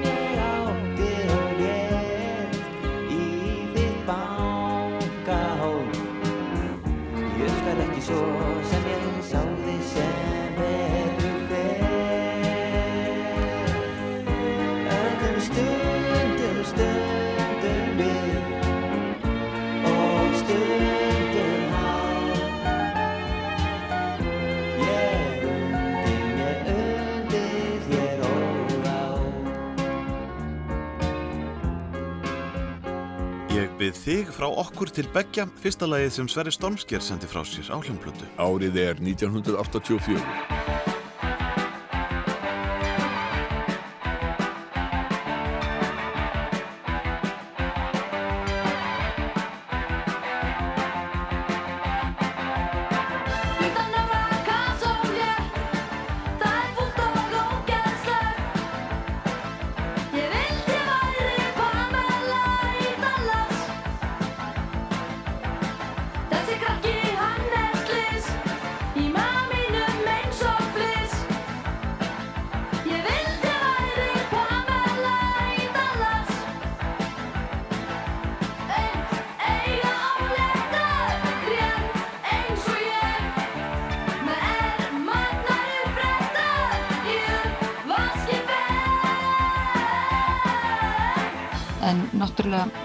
lag um stelpu sem að er að svona taka kannski röngskref í lífinu og svona svolítið að kvenka sér við það og gera það kannski svona svolítið skemmtilega. Ég held að margir hafa svona geta tengt við efni textans Já. og bæði þessa samlíkingu sem og allt hitt. Það er líka að vilja vera í einhverjum öðrum spórum heldur hún er akkurat í. Vilja vera í glamur lífinu frekar, einhvers þar anstæðar en 15 ára kasulétt. Músiktilunum var aflýst 1984 vegna verkvals BSRB um haustið en sigurvegarar músiktiluna árið áður, hljómsdinn dúkkulísurnar frá Egilstöðum, var í plötu hugleðingum. Jón Ólafsson í skífunni hafði hrifist af sveitinni og bauð stúlkunum plötusamning. Sex laga EP-plata, samnemnd hljómsveitinni, kom svo út á Kvenn réttindadaginn 19. júni og á henni var smellurinn Pamela sem við heyrðum áðan og Erla Ragnarsdóttir söngkona, Greta Sigurjónsdóttir gítarleikari og Guðbjörg Pálsdóttir trommari töluðu um textalagsins í tættinum Gengt er ekki glemt á Rástvö. Pamela naut mikill af vinselda en á plötunni var líka lagið Töff sem fór hæst í 12. sæti á vinsaldalista Rásar 2 þann 3. ágúst 1984. Freyr Eyjálsson spurði dúkkulísutna þrjár út í titillagsins í sama þætti og talið basta hljómsveitarbúningum. Við vorum svolítið í hljómsveitarbúningunum Já. og svona að sauma á allar eins og fara í búðirnar Kjallarinn mann ég og hétt hún ekki Flóin Flóin, já, gerður í flóni dressa okkur upp fyrir sjónvarstátt sem við gerðum. Já. Það var sem við vorum að reyna að fá svona pínu hérna aðstóð en þarna var náttúrulega hún Dóra hérna Dóra Einars, já, hún sá náttúrulega um lúkið á grílunum og stöðmunum og við þurftum nú að gera eitthvað sko, það var svolítið fyrir þessu en, en hérna, við kiptum svona malingarbúninga svona Já, þunna svona með galla. svona galla heitara spreyjum svona, svona, þú veist, Neonsprey. neonspreyjum einhverjum á sko Þú voru svo með á sviðinu, svona blacklight, þú veist. Já. Þannig að þetta var alveg sko alvöru. Æðislegt.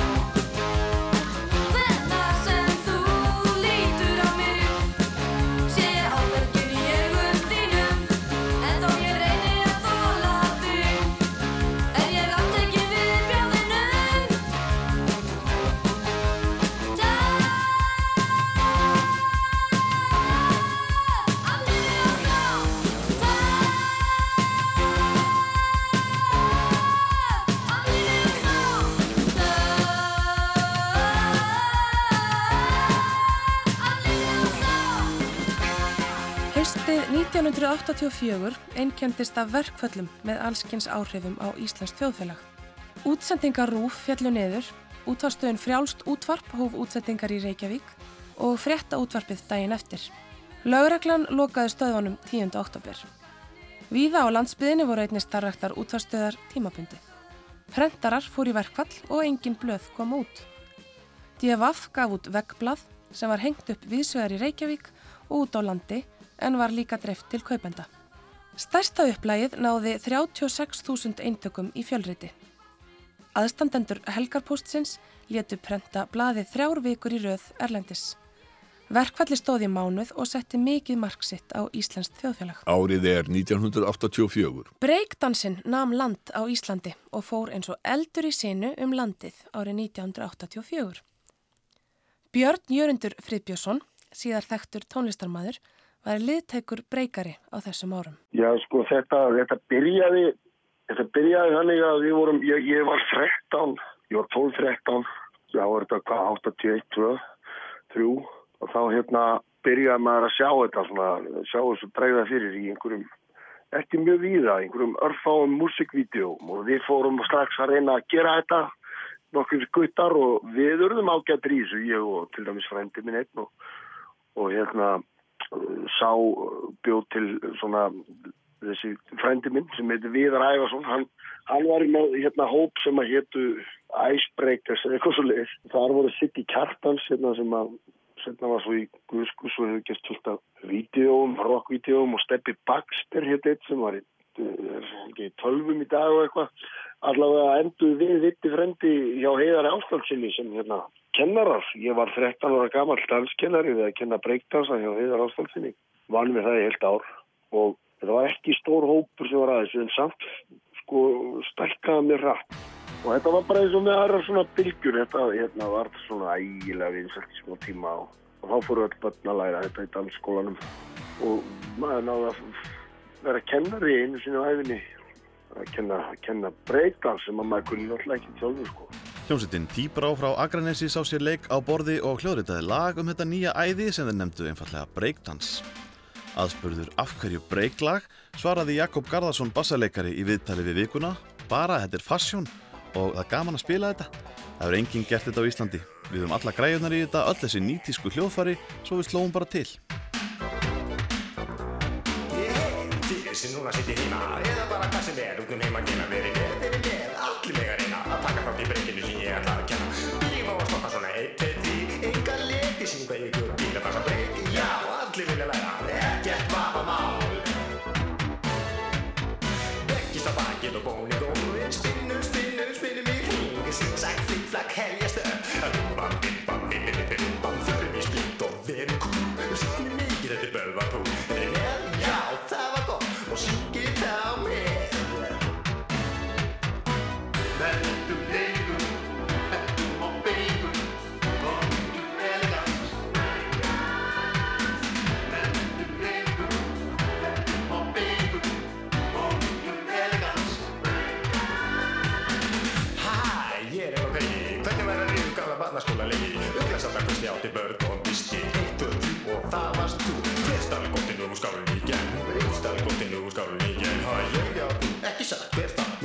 Gottinu úr skálinni í gegn Hljómsveitin Tíbrá frá Akranesi með fyrsta íslenska breyklægið af tveggjalaga plötu sem þeir gaf út haustið 1984.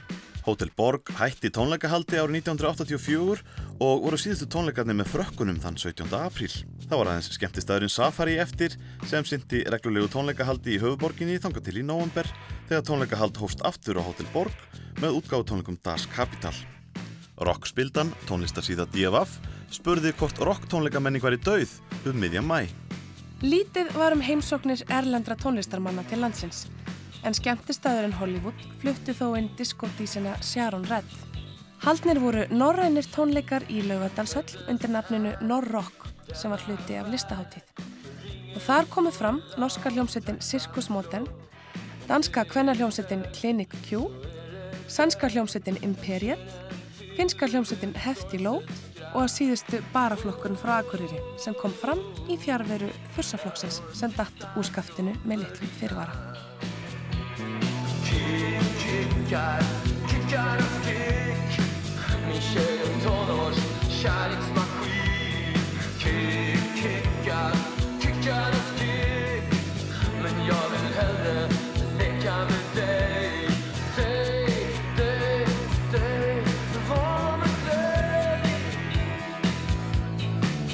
Árið er 1984.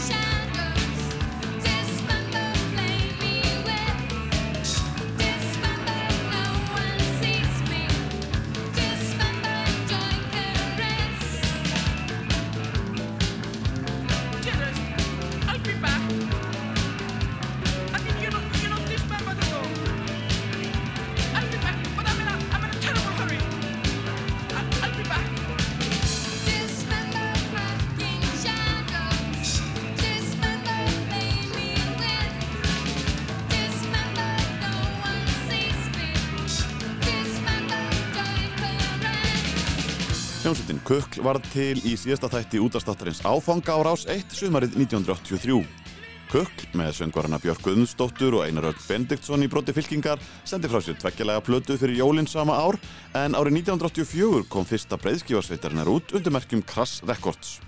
Einar Örn var búsettur í Englandi þar sem hann nam fjölmilafræði en æfði með sveitinni á Íslandi í skólafríum og aðrir hljómsveitamæðlimir flökkuðu líka reglulega milli landa. Sveitin tók upp sína fyrstu stóru plötu í Southern Studión í London árið 1984 og fór í nokkrar tónleikaferðir með vina hljómsveitum á borðu Crass, Psychic TV, Flux of Pink Indians og Killing Joke við svegurum Evrópu. Platan heitir The Eye og fekk hún viðast hvar fína dóma hjá bresku rockpressunni. David Tibet hjá Sounds tónlistatímaritinu gaf plötinu fullt hússtiga, hann líkti kuklinu við Susie and the Banshees og sagði tónlistin að draga hlustendurinn í jökul heim af ruggluðum tilfinningum og sundruðum sínum.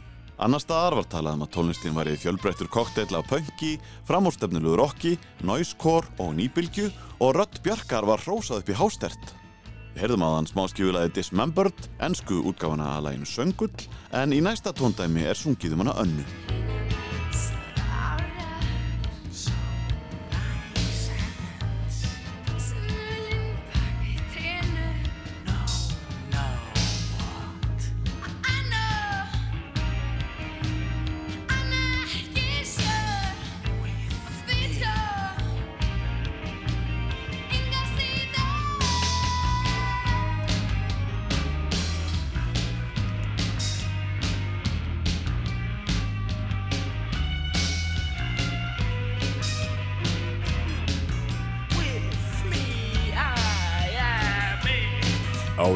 1984.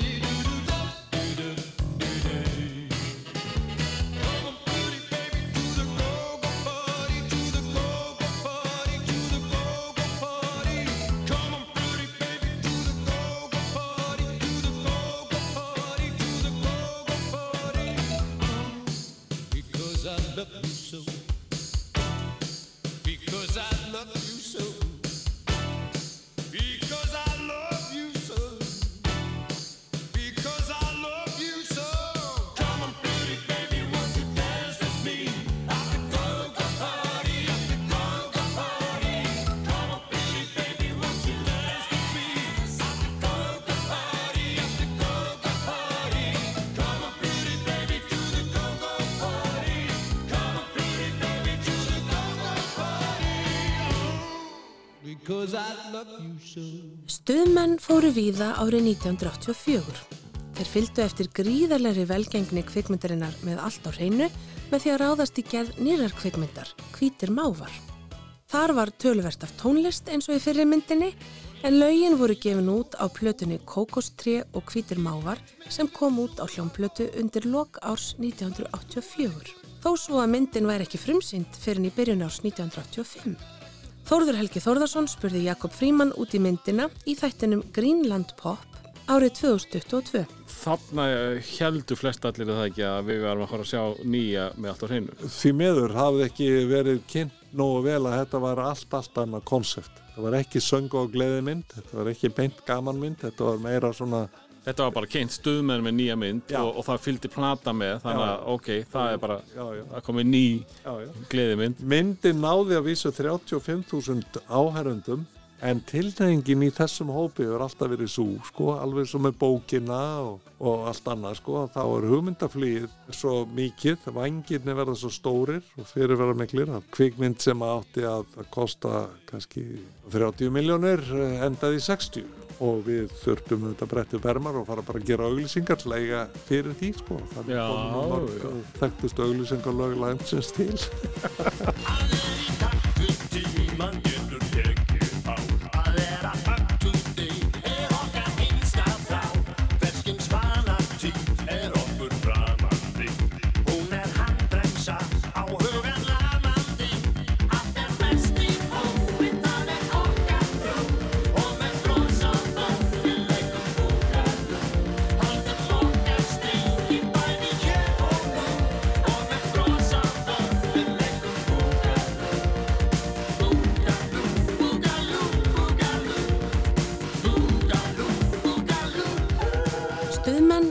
Búkalú af plötunni Kókostré og Hvítir mávar.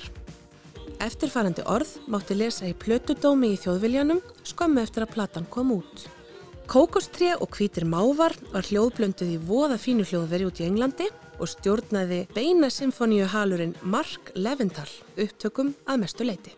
Fyrirferðamiklir eru hljóðgerðlanir í flestum lögunum og brá mörgum tryggilegum aðdæfandum smalana illilega í brún við fyrstu hlustun og þótti sem trundulega væri framkomið við trúmennsku sína. Stuðmenn tóku skemmtistæðin Sigtún við Suðurlandsbraut á leigu í desember og breyttu honum í popminjasapn á samt því að halda tónleika í húsinu. Fyrstu tónleikarnir voru 21. desember á samt hljómsutinni Oxmá og ætluðu böndin að halda tónleika öll kvöld til áramóta þegar Sigtúni erði breytt í teppaveslun. Lokatónleikarnir hófust klukkan 11 á gamláskvöld og stóðu til klukkan 4 að fara nótt nýjástags og hluti þeirra var sendur út í bytni samsendingu á rás 1 og rás 2. Stuðmenn fengu marga gæsti um nóttina en kynir á tónleikunum var útvarsmaðurinn Jónas Jónasson. Eins og tilheyrir á nýjásnótt er margt á huldu nema stuðmenn. Þeir eru mjög fastur punktur í nótt og með þeim er Ragnhildur Gísladóttir söngkona, stuðmenn, elsta og virtasta hljónsveit úlingana. Gjörðu svo vel, stuðmenn!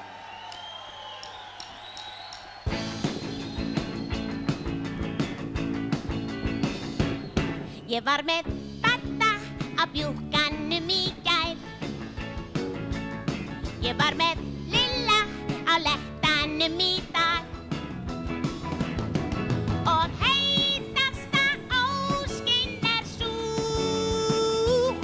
Að hann kalli komi kakkanum í lag. Strax í dag. Í dag, ég vona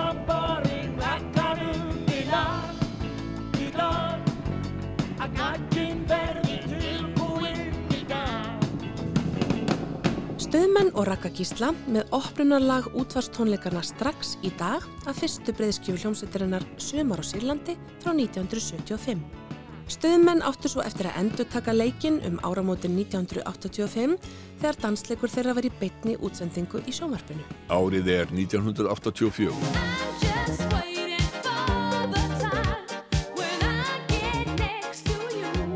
Einn af skjólstæðingum Steinar Records í útrásinni var fyrir um söngkona Trúbrots og hljóma Sadie Owens. Egimaður Sadie, Geoff Calver, var aðalupptökustjóri Mezzoforte og undir lokás 1984 kom danslægið Get Right Next to You með Sadie út á safplutunni á Rás. Og Steinarberg Íslefsson var staðræðan í því að koma því í alþjóðlega spilun. Það tókst ári síðar þegar gerðvarsamningur við Emergency Records um útgáfulagsins fyrir bandaríkjamarkað. Steinar Berg sagði að því tilhefni í viðtali við Morgunbladið að það að ná svona samningi inn á bandaríkjamarkað væri í sjálfu sér stórmál og þetta útgáfufyrirtæki væri mjög stert í útgáfu danstónlistar í bandaríkjunum hefði meðal annars verið með söngkonuna Shannon á sínum snærum. Vorið 1986 fór lagið svo í 22. sæti Hot Dance Disco listans í Billboard tónlistatímaritinu og í auglýsingu saði Steinar að þetta væri besti árangur sem nokkur íslenskur poppari hefði náð í bandaríkjunum.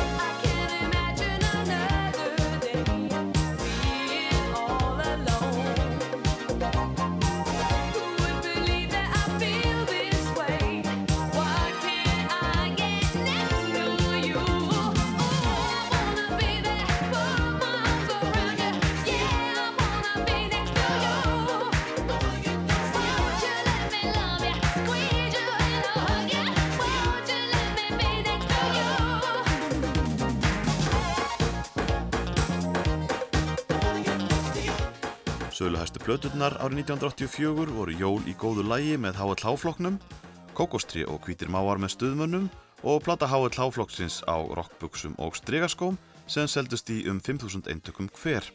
En sumargleðin, grafík, bubbi og ego voru þar skamt undan á listanum yfir mest seldu plöturnar. Það er komið að lokum hjá okkur í dag.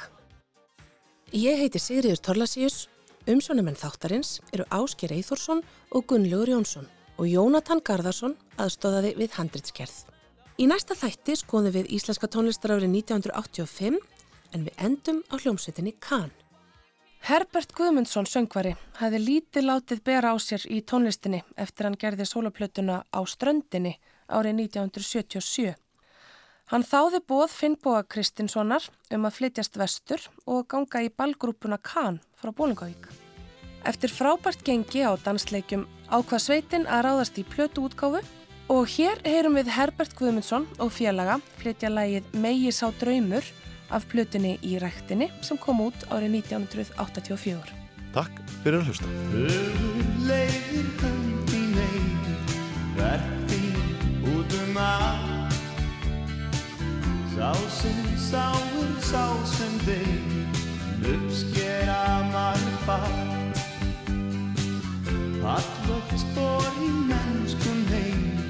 Flæða út um allt. Bræður berjast borgir brenn. Fólki breytti í satt